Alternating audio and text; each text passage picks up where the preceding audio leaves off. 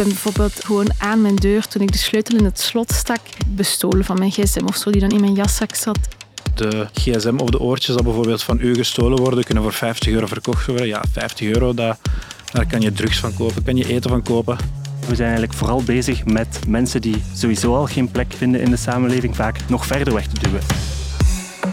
Je moet de trein nemen in Brussel. In de gangen liggen links en rechts mensen hun roes uit te slapen of te bedelen. Het stinkt er naar pis en de kans is reëel dat je dan ook nog eens wordt bestolen of overvallen. Als we de mediaberichten mogen geloven, dan blijf je best zo ver mogelijk weg uit Brussel. Maar is het daar echt zo onveilig? En is het dan zoveel erger dan in andere steden? Gaan we vandaag over praten met Lise Spit, schrijver. Jij bent hier vandaag omdat jij in de buurt van het Zuidstation woont. Ja, exact. Ongeveer op 200 meter. Ik ben op vijf minuutjes of zo in het station. En hoe is dat tegenwoordig? Ehm, ineens een goede vraag om mee binnen te komen. ik woon er al bijna 15 jaar in die buurt. Dus het is zoals het altijd een beetje geweest is. Misschien inderdaad wel nog een, nog een tikkeltje erger dan, dan vroeger of zo. Maar, um, maar ruig. Het is ruig, ja, ja. ja. Het gevoel dat je zo in een wereldstad in de jaren tachtig terechtgekomen zijn of zo. Maar het is wel 2023. Ja, ja, ja. Kevin Siassi, jij hebt ooit aan de andere kant uh, gestaan van het verhaal. Jij hebt ook overnacht rond het Zuidstation. Ja. Je hebt op straat geleefd en je begeleidt nu jongeren die in dezelfde positie belanden. Inderdaad, dat klopt. Sinds 2017 werk ik eigenlijk uh, in de hulpverlening, voornamelijk met jongeren, maar daar komen dus regelmatig volwassenen bij kijken ook. Mm En Jacob van de Voorde, jij bent stedenbouwkundige en jij houdt je vooral... Je mag zelf eens uitleggen waar je mee bezig bent. je gaat het beter kunnen uitleggen. Stedenbouwkundigen en planners houden zich bezig met de bredere omgeving, zoals een architect met een gebouw. Stedenbouwkundigen houden zich bezig met de stad of de omgeving. En meer bepaald bij Endeavour werken wij rond de interactie tussen ruimte en mensen. En jij kan ons dus ook wat meer uitleg geven over hoe het komt dat eh, problemen vaak opduiken rond stations en, uh, en die wijken daar rond. We hebben onder andere een aantal studies gedaan. één rond stationsomgevingen. Wat komt er daar vaak in terug? Mhm. De ontwikkelingen die daar rondgaan in de stationsgebouwen. Hoe komt het dat daar um, vaak zo moeilijke stukken zijn? En ook rond veiligheid, rond ruimtelijke veiligheid. Wat maakt dat we ons op een bepaalde plek onveilig voelen? En welke ruimtelijke componenten zitten daar? Ja. Hoe pak je criminaliteit aan in de stad? Dat hoor je in deze aflevering van Snapt je mij nu? Een podcast waarin ik, Aurélie Boffé, met jullie in gesprek ga over de dingen waar we van wakker liggen. Welkom.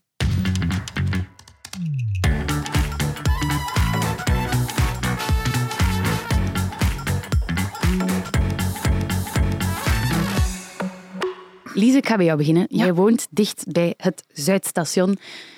Wat zie je in de praktijk? Wat zie je elke dag? Ja, ik woon eigenlijk meer bepaald in de Triangelbuurt. Ik heb eerst tien jaar achter het station gewoond, meer in een woonbuurt.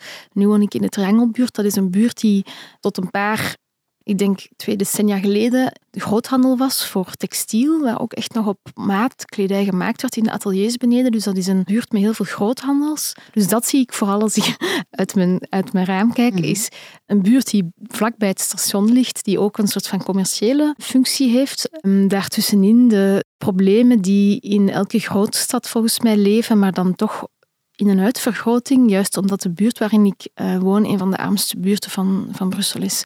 Ehm, dus boven die winkels zijn er ontzettend veel gezinnen die samengepropt zitten op kleine ruimtes of in kleine ruimtes. Ehm, heel veel doorloop. Um, waar ik dus woon, is niet per se een plek waar heel veel mensen willen blijven, juist omdat de openbare ruimte daar heel slecht uh, ingericht is, heel, heel, weinig kwalitatief is ingericht. Dus mensen hebben geen zin om daar te blijven wonen en zoeken heel vaak een plek waar ze naartoe kunnen gaan mhm. en gebruiken Curium als een soort van tussenstop waar ze eigenlijk ja, ook niet te veel aandacht aan willen besteden, heb ik de mhm. indruk. Dat is een beetje de buurt uh, waar ik woon. Al die dingen die in de media nu tevoorschijn komen, gigantisch veel drugs, dakloosheid, zie je dat ook effectief terug?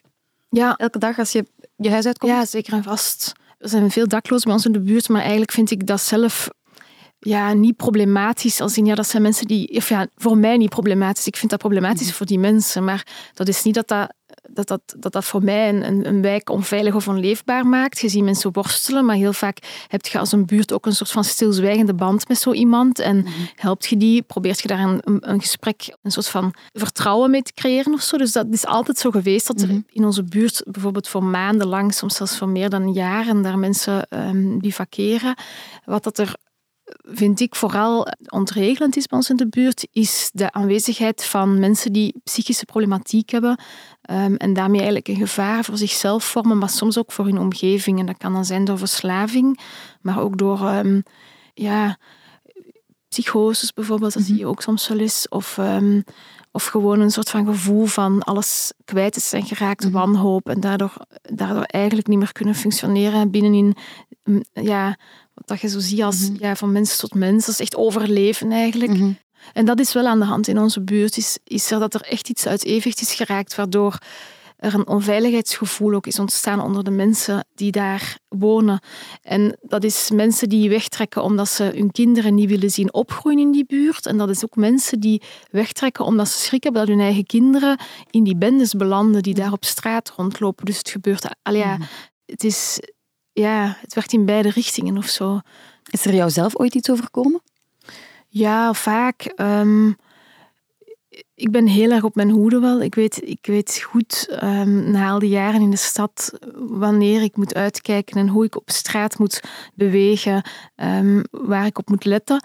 Maar ik ben bijvoorbeeld twee jaar geleden gewoon aan mijn deur, toen ik de sleutel in het slot stak, um, bestolen van mijn gsm of zo, die dan in mijn jaszak zat. En ik had oortjes in zelfs en iemand heeft die er gewoon uitgehaald en is weggegaan. Of ja, dat je zo op straat loopt en iemand voelt in je zak zitten bijvoorbeeld, heb ik ook al heel vaak gehad. Dan ben ik er net op tijd bij, maar dus dat heb ik al meegemaakt. En gewoon meer agressie op straat of zo, dat je voelt dat je, dat je een paar weken geleden kwam er iemand echt op straat op mij afgelopen, had hij een glazen fles kapot geslagen en kwam die daar zo mee voor zich uitgericht mijn kant op en ik stond te bellen, maar ja, dan denk je wel oei, uh, en dan gaat je heel snel, uh, maakt dat je weg eigenlijk, omdat je ook niet goed weet hoe je daarop moet reageren.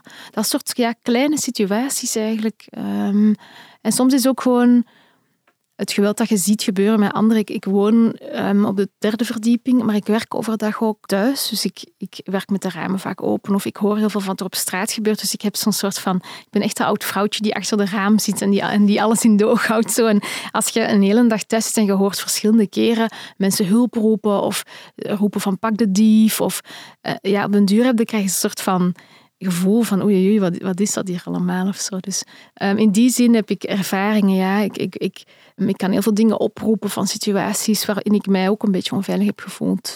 En toch zit je daar nog? Ja.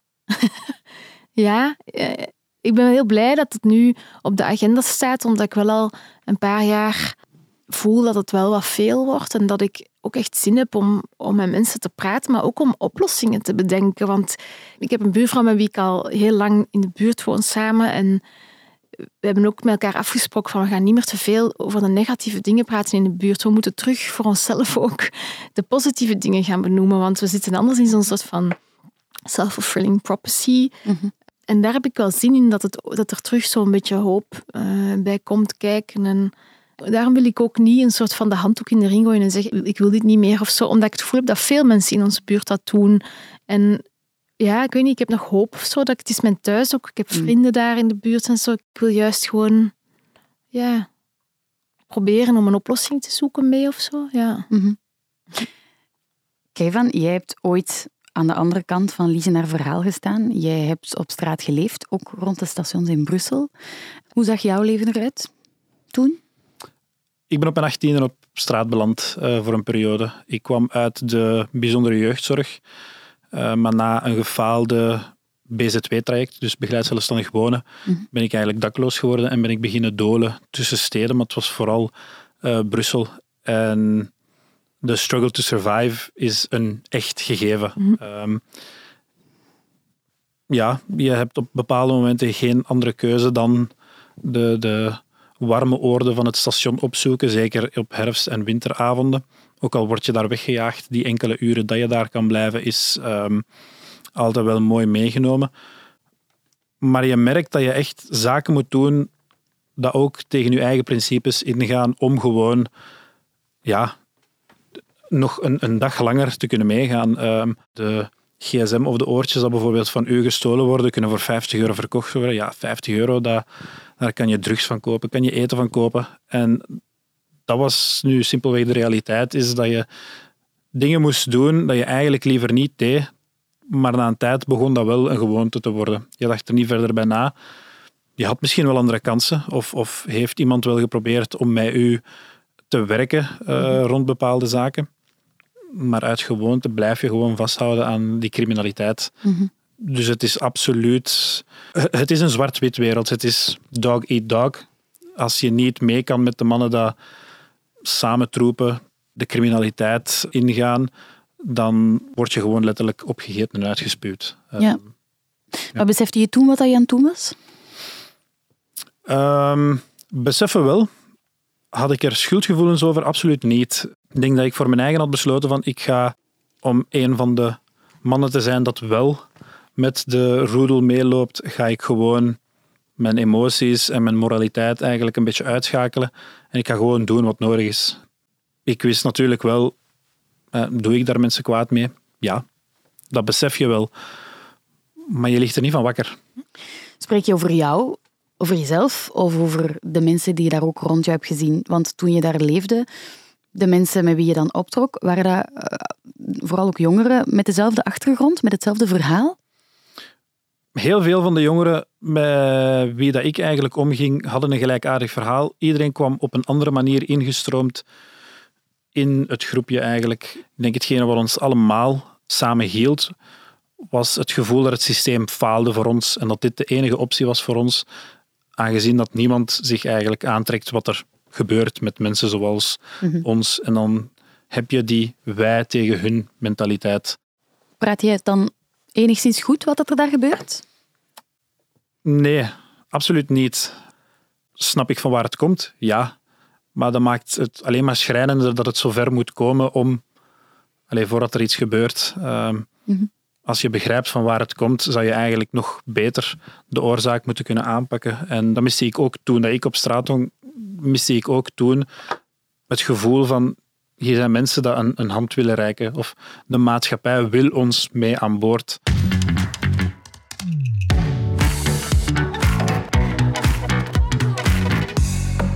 Het gaat nu heel vaak over Brussel. Jacob, ehm, we horen het Brussel-Zuid, Brussel-Noord. Brussel is precies een hellhole geworden. Maar is het dan echt zo erg in Brussel? En, en is het, zijn er gelijkaardige problemen in andere steden? Wat er natuurlijk in, in Brussel komt, in Brussel-Zuid en Noord, er komt daar heel veel samen. Ehm, je hebt heel veel internationale reizigers, toeristen die samenkomen. Heel wat aankomstwijken, wat Alize daarnet beschreef, die rond de stations zijn. Dus Brussel is wel absoluut geconcentreerder. Geconcentreerder dan andere steden in Vlaanderen en, en Wallonië. Maar het is absoluut geen uniek geval. Als je kijkt naar Parijs, ehm, Milaan, Napels, het idee dat er ook een aankomstwijk naast een station ligt en dat die twee elkaar versterken in criminaliteit, dat is eigenlijk heel vaak voorkomend.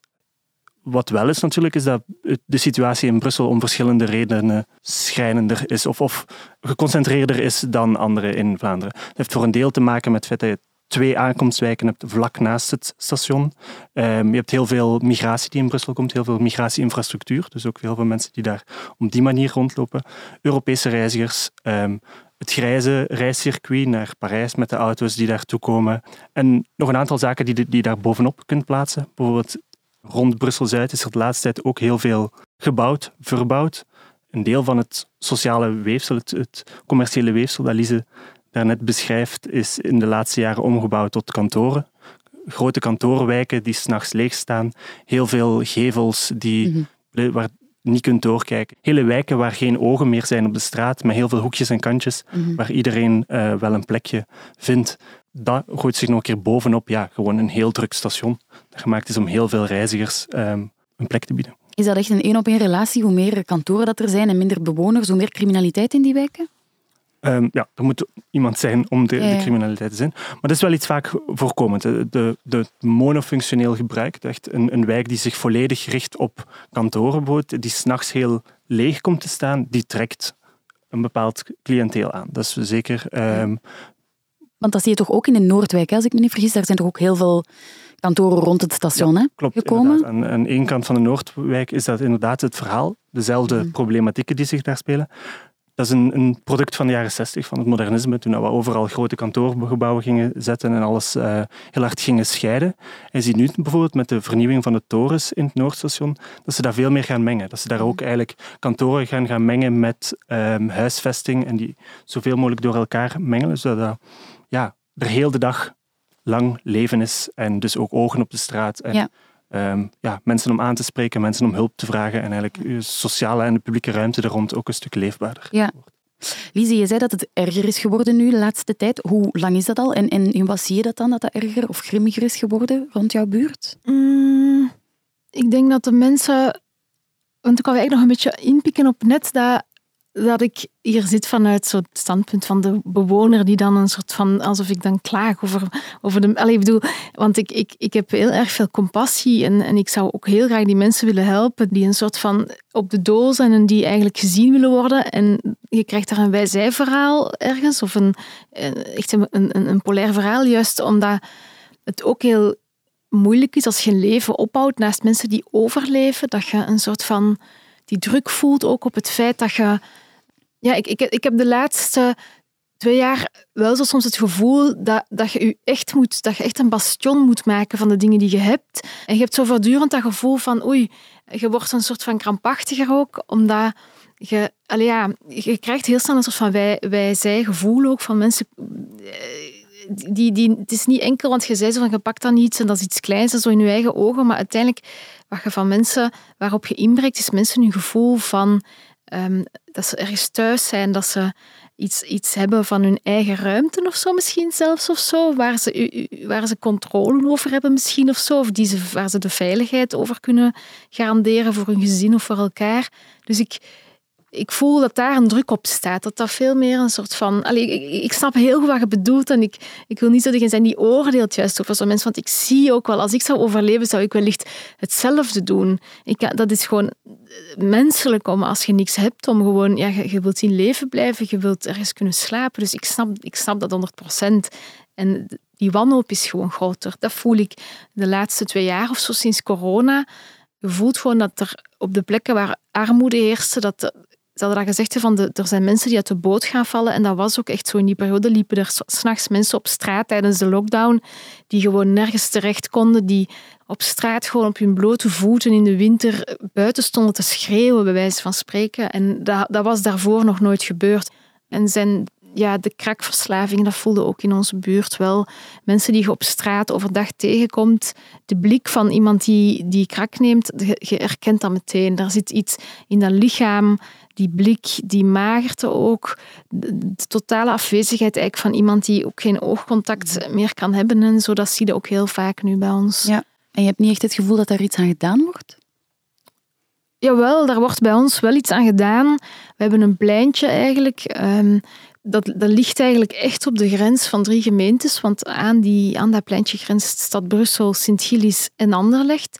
Wat dat maakt dat je ook politiezones hebt die daar uit elkaar vallen. En dat is het ideale pleintje voor drugsdealers om zich op te houden, omdat ze gewoon ja, 20 meter verder moeten gaan staan en binnen andere politiezones staan. En op dat pleintje heb je heel snel eh, gezien dat het gevaarlijker werd, omdat daar ook krak gedeeld wordt. En de politie is daar heel vaak aanwezig, ook undercover. Je ziet ze natuurlijk wel staan. Op den duur je herkent ook die houding, want voor de rest staat daar niemand op dat plein die daar zo staat. Maar ja, wat ze dan hebben gedaan nu de laatste maanden, is ja, bijvoorbeeld alle bankjes weggehaald waarop mensen kunnen zitten. Alle struiken uitgetrokken waaronder dingen kunnen, wapens verstopt werden, drugs verstopt werd, waar mensen ook hun behoeften deden bijvoorbeeld. Dus die, dat pleintje wat eigenlijk heel gezellig was, is een soort van helemaal ontdaan van alles wat de buurt ook nog enigszins gevoel gaf van we hebben nog een plek om te komen om elkaar te zien. Um, de terrasjes op dat plein hebben allemaal van die glazen barricades gezet, omdat ze te vaak... Um, ja, zelfs, ik heb een keer een vrouw een koffie zien drinken en die werd gewoon van haar lepel bestolen omdat iemand een lepel nodig had om drugs mee te gebruiken. Zo, dat soort kleine, kleine dingetjes. Um, ja, heel veel handtassen en zo werden daar ook meegenomen. Dus je voelt dat plein zet zich schrap. Dus um, er wordt ingegrepen, maar het wordt alleen maar harder eigenlijk, juist daardoor. Mm -hmm. ja. Jacob, ik hoor de struiken worden uitgetrokken. Mensen moeten zich barricaderen. Jij bent stedenbouwkundige. Is er op dat vlak iets dat, dat steden beter kunnen doen of anders kunnen inrichten om zo'n problemen aan te gaan? Ja, ik denk absoluut. Ik denk het, het eerste dat we moeten beseffen is dat er, zeker als we kijken sinds 2000, eigenlijk lange, lange tijd enorme vooruitgang is gemaakt in de leefbaarheid van de stad. Heel veel Vlaamse steden zijn een stuk aangenamer geworden. Veel meer gezinnen die terug in de stad zijn gaan wonen. Dus de stad wordt eigenlijk steeds populairder. En we zien wel dat er daar de laatste drie, vier jaar meer druk op komt. Ook sprak daarnet over cijfers bijvoorbeeld. De recente dakloze cijfers is een vijfde meer in de laatste twee jaar. Hulpdiensten die, die vol zitten. Er zit ergens een limiet aan. En voor een deel heeft publieke ruimte, de manier waarop we onze ruimte vormgeven, daar een enorm effect op. We spreken altijd over verloedering, of verloedering trekt verloedering aan. Mhm. Ehm, het gebied rond Brussel-Zuid wacht ook al heel lang op fondsen voor een stadsvernieuwingsproject om heel veel publieke ruimte heraan te leggen. Dat zijn fondsen die al heel lang beloofd zijn, maar nog steeds niet komen. En dan echt op detailniveau, op bijna ontwerpniveau, is er natuurlijk ook heel veel dat gedaan kan worden. Dat gaat vaak over het het wel aanleggen juist van herbergzame ruimte. Plekken waar mensen kunnen samenkomen, gezellig zitten, waar mensen tot s'avonds laat durven blijven, waar je gezien kan worden, waar je zien en gezien worden geeft vaak een gevoel, gevoel van veiligheid. En op die manier de ruimte beginnen aanleggen zorgt ervoor dat er meer mix ontstaat, dat er meer ja, algemeen een, een, een diversere groep in een meer herbergzame publieke ruimte gemaakt wordt.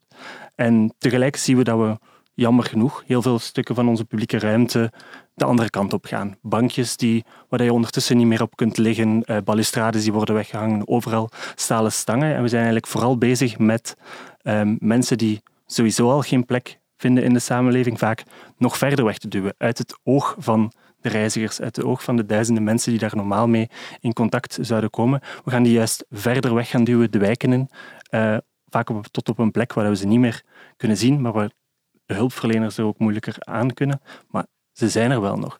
Publieke ruimte heeft, of ruimtelijk ontwerp heeft de kracht om mensen aan te trekken, maar ook om mensen echt diep weg te duwen. Mm -hmm. Oké, ik zie jou klikken. Ja, het uh, fenomeen van publieke ruimtes zodanig eigenlijk aan te passen dat mensen daar gewoon weggejaagd worden. De, de ongewensten, uh, zoals ze vaak worden bestempeld. Dat is niet nieuw. Dat is iets dat al heel lang gebeurt. Ik heb geweten toen ik over de straten dwaalde dat dat hardhandig met de politie werd gedaan. Ze arresteerden u en dan werd je daar fysiek weggebracht. Tot op het punt dat het onhaalbaar werd om ergens te staan, omdat bijvoorbeeld, zoals je zegt, ehm, dat ze bijvoorbeeld pinnen op een laag muurtje zetten, waardoor dat je daar niet meer kan zitten. Ik heb al gezien dat er uh, watervernevelaars staan boven de gevel van bepaalde zaken om u eigenlijk nat te sproeien ehm, wanneer dat je daar komt hangen. Dus het is, het is geen nieuw fenomeen. Het is ook iets dat vroeger gebeurde. Maar dat zorgt er alleen maar voor dat mannen, dat, allee, mannen zoals dat ik vroeger was, we worden alleen maar creatiever. Een van de grote problemen ook die, die Lise ook aanhaalde, is het crackprobleem nu in Brussel. Was dat ook al toen jij op straat zat, Kevin? Um, dat waren mensen dat wij eigenlijk schuwden. Ik denk van het moment dat je crack begon te roken, begonnen wij je ook te zien als een zeer onbetrouwbaar persoon en iemand die toegeeft aan zijn ja, aan, driften. ja, aan zijn, aan zijn driften. Ja, absoluut. Uh, omdat gewoon al om op straat te overleven en, en bereid te zijn in sommige gevallen uitzonderlijk geweld te gebruiken ook, dat vraagt een zekere discipline. Wij schuwden niet om crack te verkopen of om kilo's wiet te pushen of om cocaïne te verhandelen op straat. Maar het beginnen gebruiken, van zodra dat je bepaalde zaken gebruikt, werd je als een liability gezien. Uh, je werd gezien als iemand dat de discipline niet heeft uh, om eigenlijk te overleven. En die discipline was echt een, een actief gegeven in ons groep. Jij komt nu nog heel vaak in Brussel. Um, ja. zie, zie jij een verschil met vroeger in het aantal mensen dat gebruikt?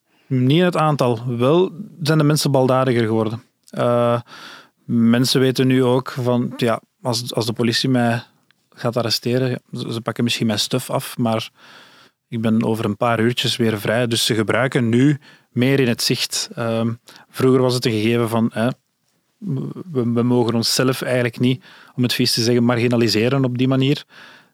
Maar Het is zo baldadig geworden dat je nu gewoon in Brussel, in eender welke station, metro, trein, dat je daar gewoon kan stappen en dat mensen daar echt willekeurig krek liggen te roken, spuiten liggen te zetten. Ja, absoluut.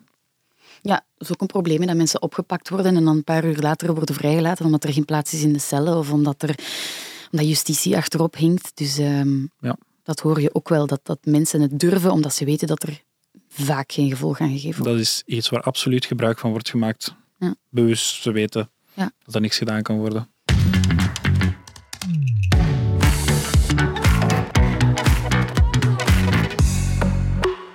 Nu is er wel plots veel aandacht voor, eh, in de media vooral. Is dat niet te laat? Ja, is het te laat? Nee, dat, dat, is zou raar zijn om dat te zeggen. Ehm, ik ben blij dat het op de agenda komt. Het is ook omdat het niet anders kon. Want we waren eigenlijk al met buurt. Er was al een soort van open brief die werd samengesteld door verschillende comité's uit de buurt en zo. Dat was ook allemaal in de, op eigen kracht al, was dat al aan het sudderen. En die is ook uitge- uitgekomen, die brief, dan in diezelfde week. Juist omdat we ineens dachten, ah ja, Ehm, het staat nu op de agenda doordat ehm, de, de CEO van NBS die klacht had gegeven naar de politiek toe, hè, dat het niet meer kon als visitekaartje. Ehm, dus ik, ik schrok een beetje van hoe het ineens over het Zuidstation ging en het station als visitekaartje naar de wereld, alsof we dat dan belangrijker vinden dan de mensen die daar wonen en de mensen die daar worstelen samen. En dat vond ik wel ja, een beetje, ja, eh, hoe moet ik het zeggen, pijnlijk of zo. Dat je toch eigenlijk voelt van die, die buurt geven ze eigenlijk wel om de mensen die daar wonen en om de mensen die daar ook uit de boot zijn gevallen en die zich daar nog ophouden. Of enkel om de toeristen die dan de Ja, die dan zien? bestolen worden. En, ja. Ja. Jacob, jij wil er nog een? Ja, ik denk als we gewoon naar de geschiedenis kijken, of zo, we hebben dat ook gedaan. Onze steden in de jaren tachtig, Brussel, de grote steden, waren gewoon echt ehm, nog een stuk erger af dan nu. Na Zwarte Zondag in de jaren 90 is men begonnen met stadsvernieuwing, heeft men gewoon echt zwaar geïnvesteerd in de steden en zijn de steden een stuk leefbaarder geworden. Maar dat vraagt investeringen. Investeringen in hulpverlening, maar ook in sociale infrastructuur, plekken waar je naar, naar, naartoe kunt komen. Die zijn eigenlijk toen allemaal opgestart. Straatboekwerk in grote mate, betaalbare huisvesting is ook iets, maar dat zijn allemaal dingen waar stapsgewijs en een stuk meer geïnvesteerd in zal moeten worden. Want alleen met die repressie ga je het niet oplossen. En zo'n eh, opkuisactie tussen aanhalingstekens, zoals het wel werd genoemd, dus letterlijk ook het station opkuisen, alle mensen wegjagen. Is dat een oplossing volgens jullie? Evan? Tijdelijk. Ik geloof niet dat het probleem daarmee opgelost is. Uh, het ziet er mooi uit. Hè. Prestige van het stad en station wordt weer omhoog gekrikt. Het is proper.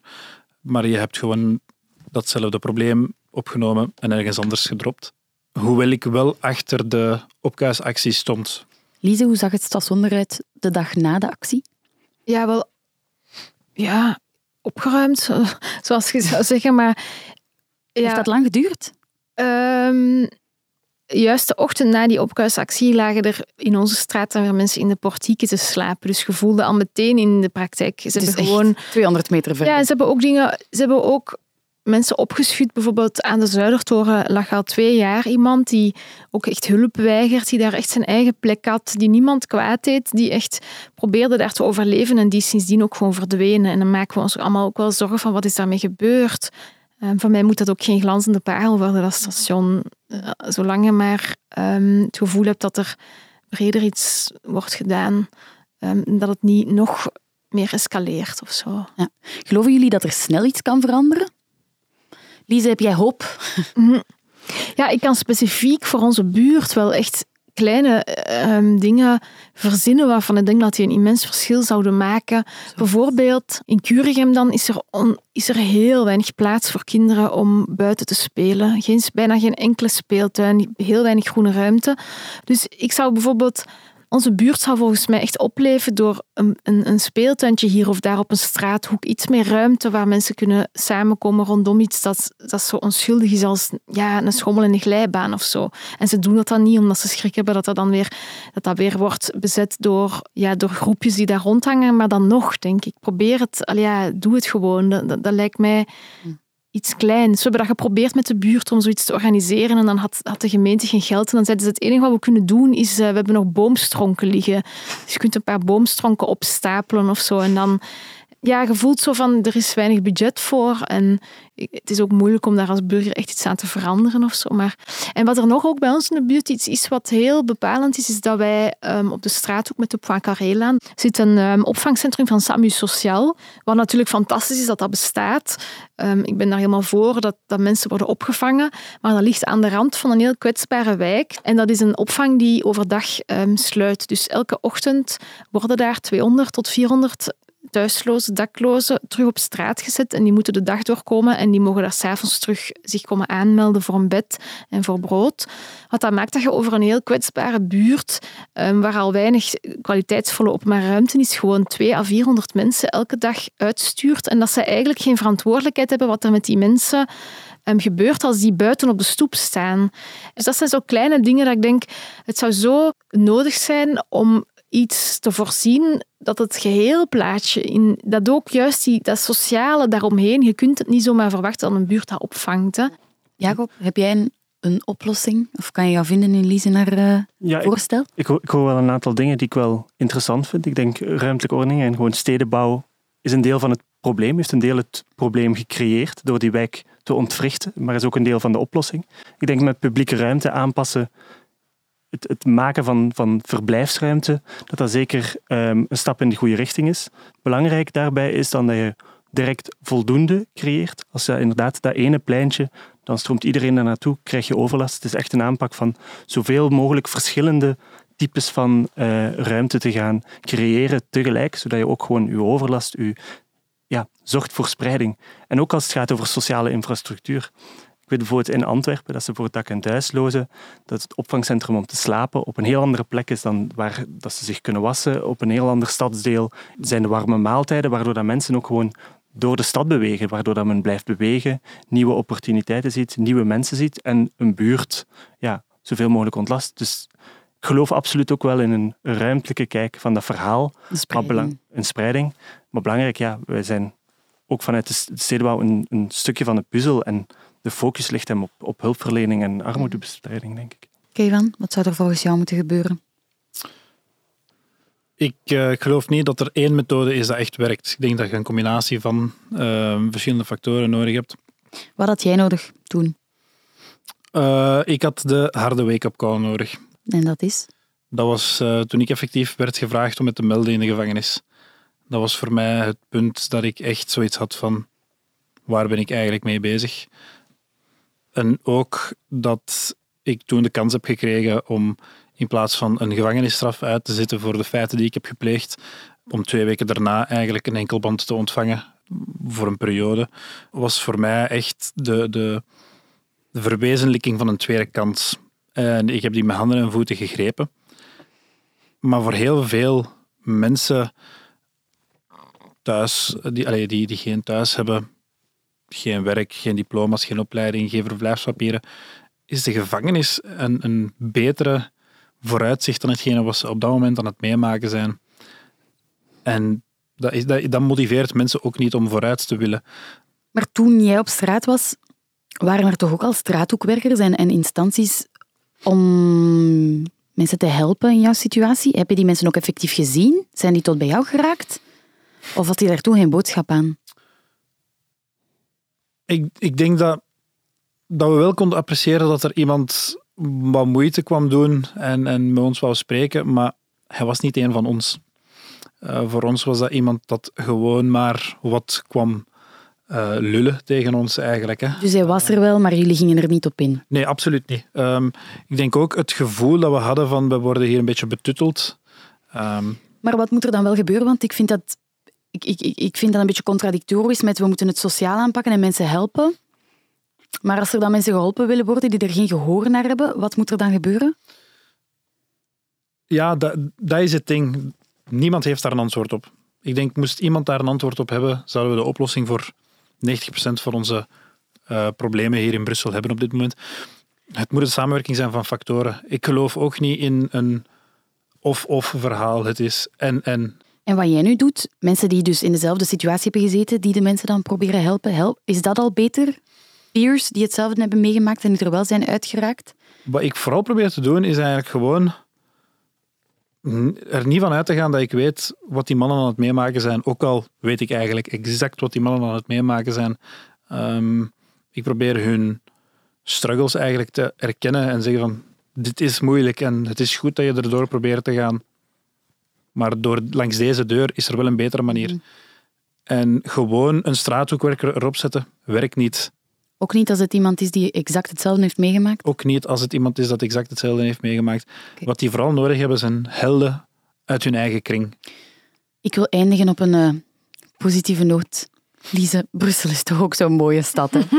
Ja, want ik had laatst ehm, met die buurvrouw van mij, met wie ik positief wil zijn, een gesprek. En zij zei van, we, willen, we, we moeten ook niet willen dat het een soort van een postkaart wordt. Zo, hè, zo het centrum van Brussel begint iets... Er moeten niet te veel mensen naartoe komen, maar...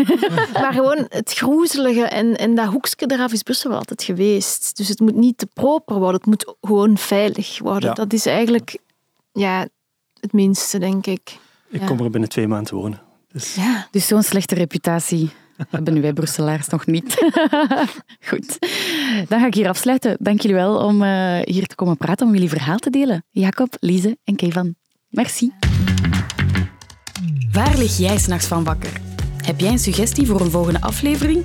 En wat vind je eigenlijk van deze podcast? Alle feedback is heel welkom. Je kan me daarvoor bereiken op Instagram en Twitter via de handle Aurélie-Boffé. En misschien zit jij mee aan tafel in de volgende aflevering.